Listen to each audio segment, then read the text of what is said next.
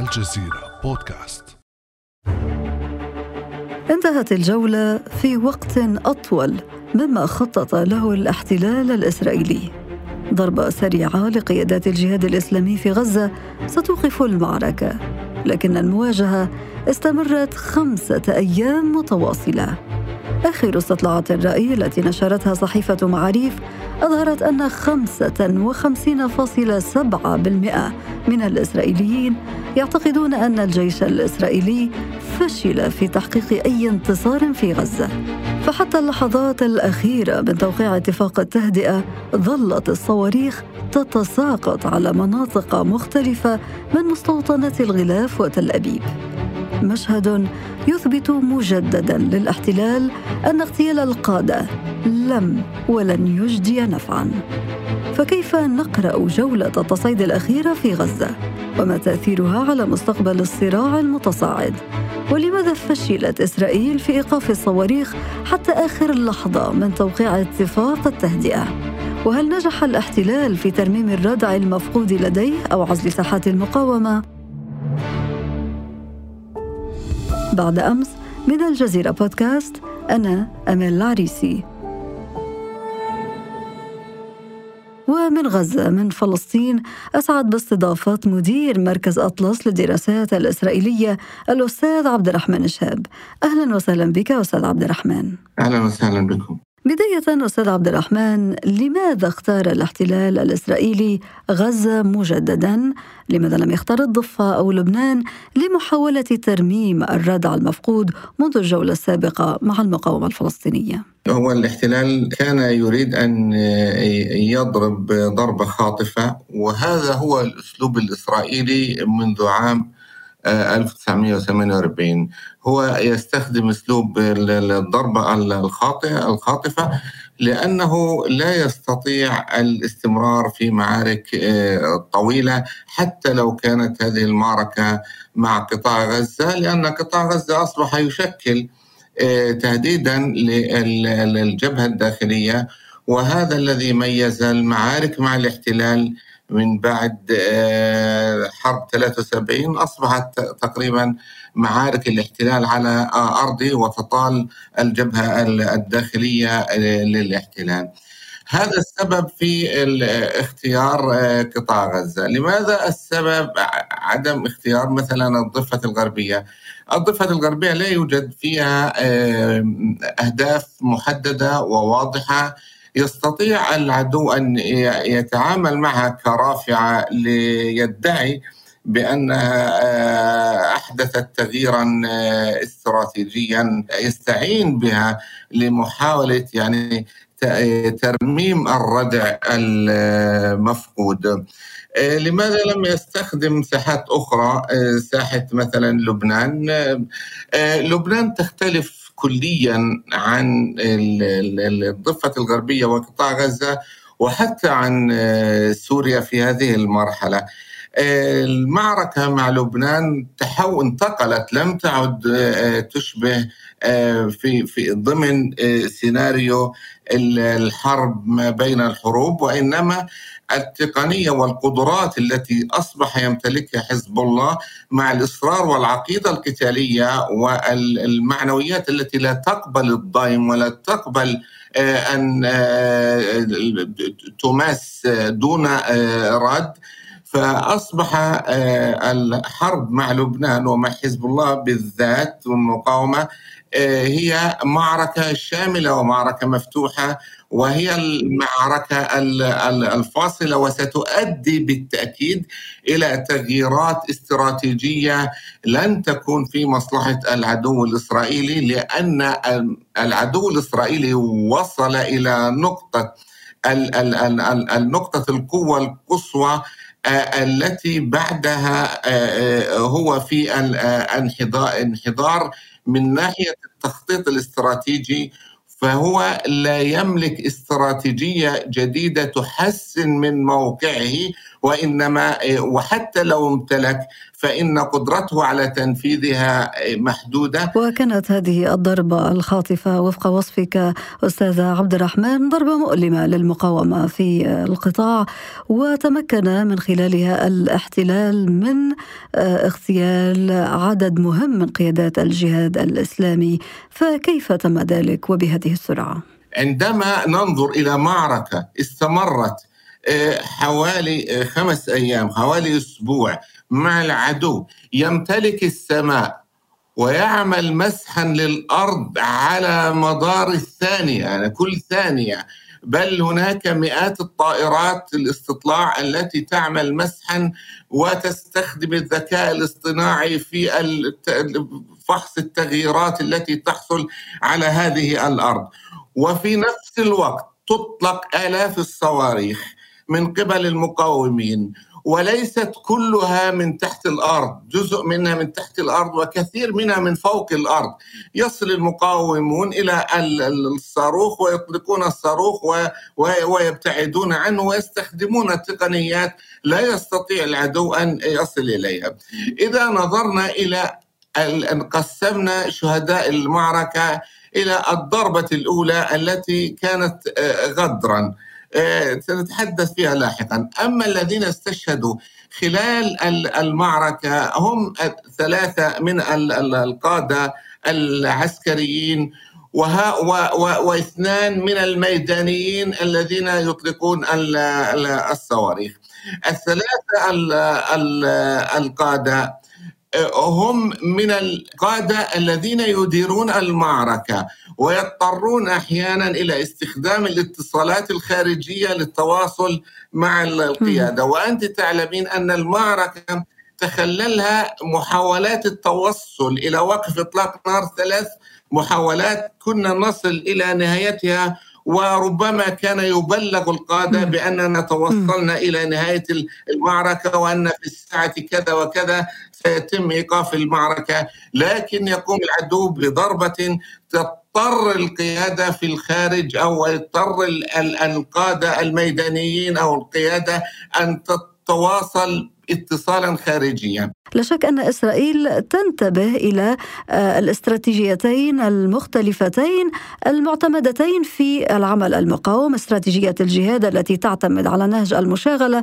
وتكتيك مراكمة العمل المقاوم الذي تنتهجه حماس. برأيك هل مزجت هذه المواجهة الأخيرة بين الاستراتيجيتين؟ هي استراتيجية المشاغلة هي جزء من استراتيجية المراكمة. يعني عندما تقوم المقاومة, المقاومة بجولة مواجهة مع العدو هي تعزيز للخبرات وتعزيز للقدرات وهي استخدام لكمية من الصواريخ. ربما يجب أن أن تستخدم ويتم تجريبها والتوصل إليها وهي تسجل نقاط. معركتنا مع هذا العدو ليست لا تنتهي في معركة فاصلة في في المدى القريب المنظور. وإنما نحن نتواجه مع هذا العدو ونحقق نقاط تراكمية في كل معركة. نحقق نقاط تراكمية.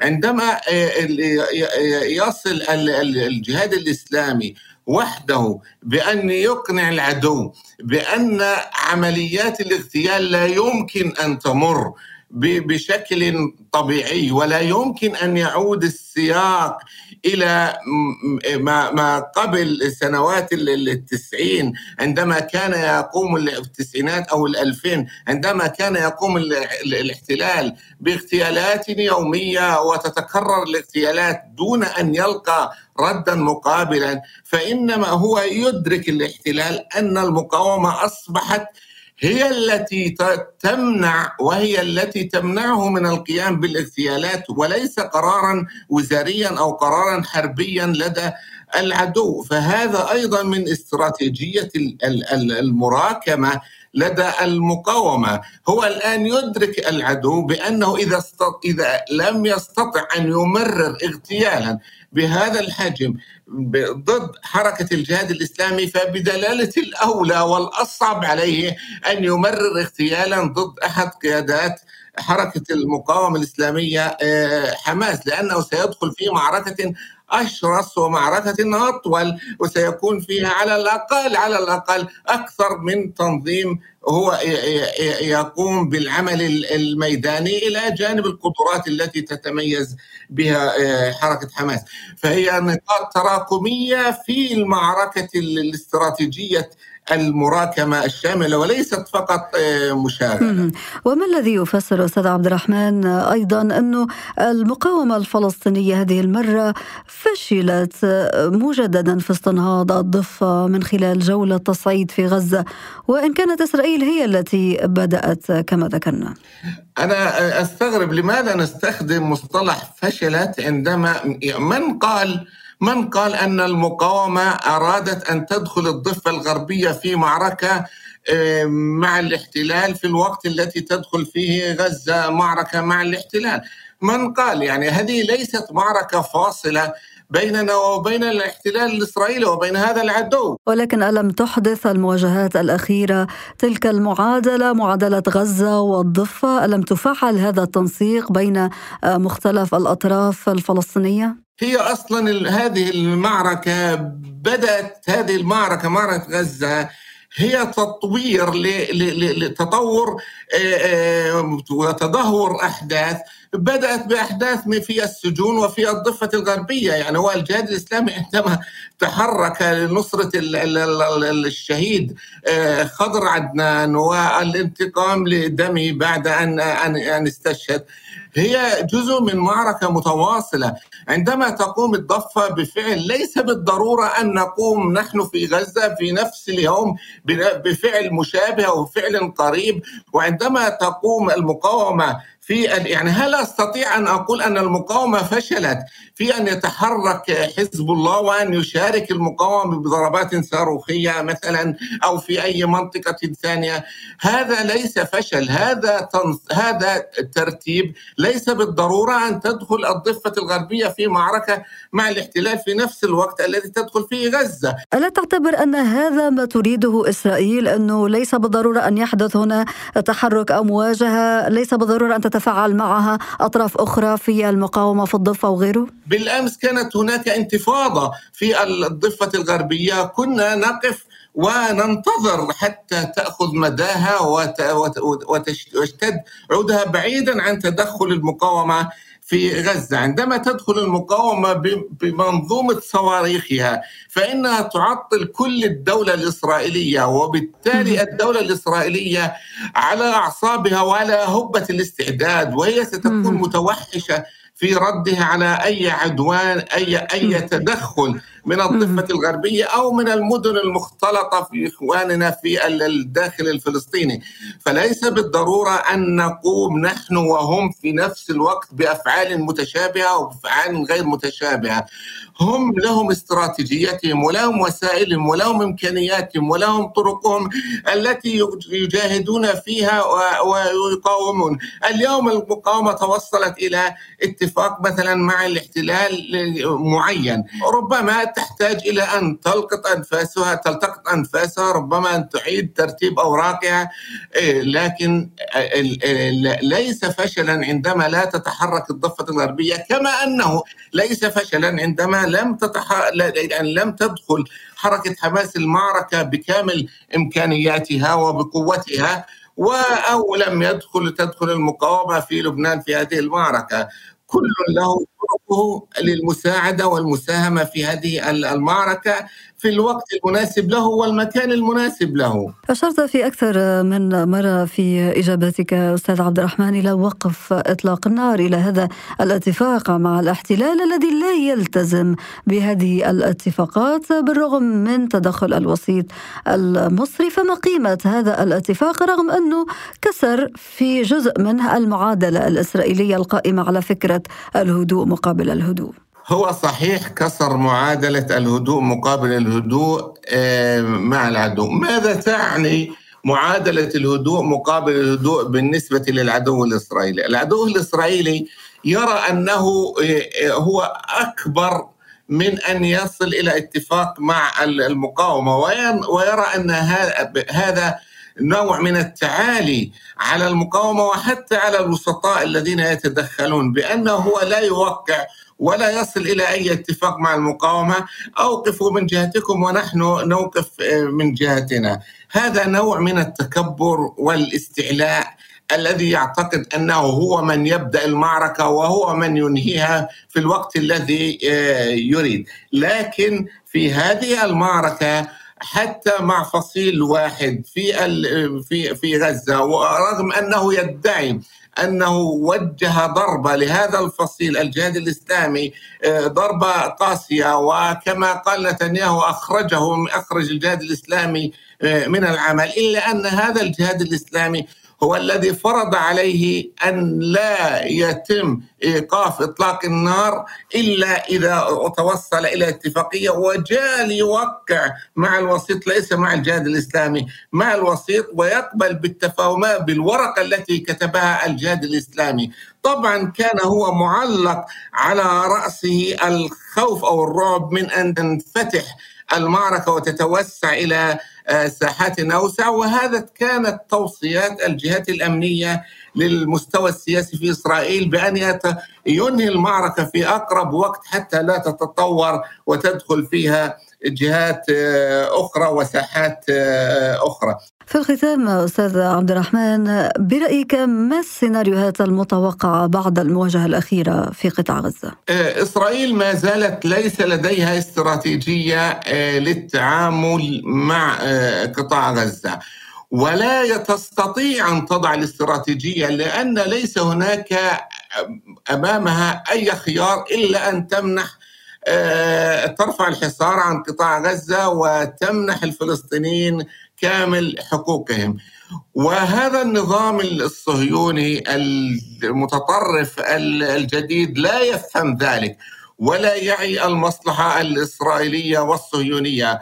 ولذلك سيتمادى في غيه وسيصل في النهاية إلى صدام كبير مع الفلسطينيين ومع المنطقة ومع العالم العربي والإسلامي لأنه لم يعد يفكر فقط في فكرة التطبيع مع المنطقة ولم يعد يفكر في أن يجد له مكانا في المنطقة بتفاهم العرب والمسلمين وإنما أصبح يدرك أنه لا يمكن أن يصل بالتطبيع إلى آه، الاعتراف بوجوده والتسليم بوجوده. فلذلك هو سيمضي في استخدام القوة وسيجد في النهاية أن المقاومة تمتلك قدرات وإمكانيات تمنعه من أن يحقق إنجازاته.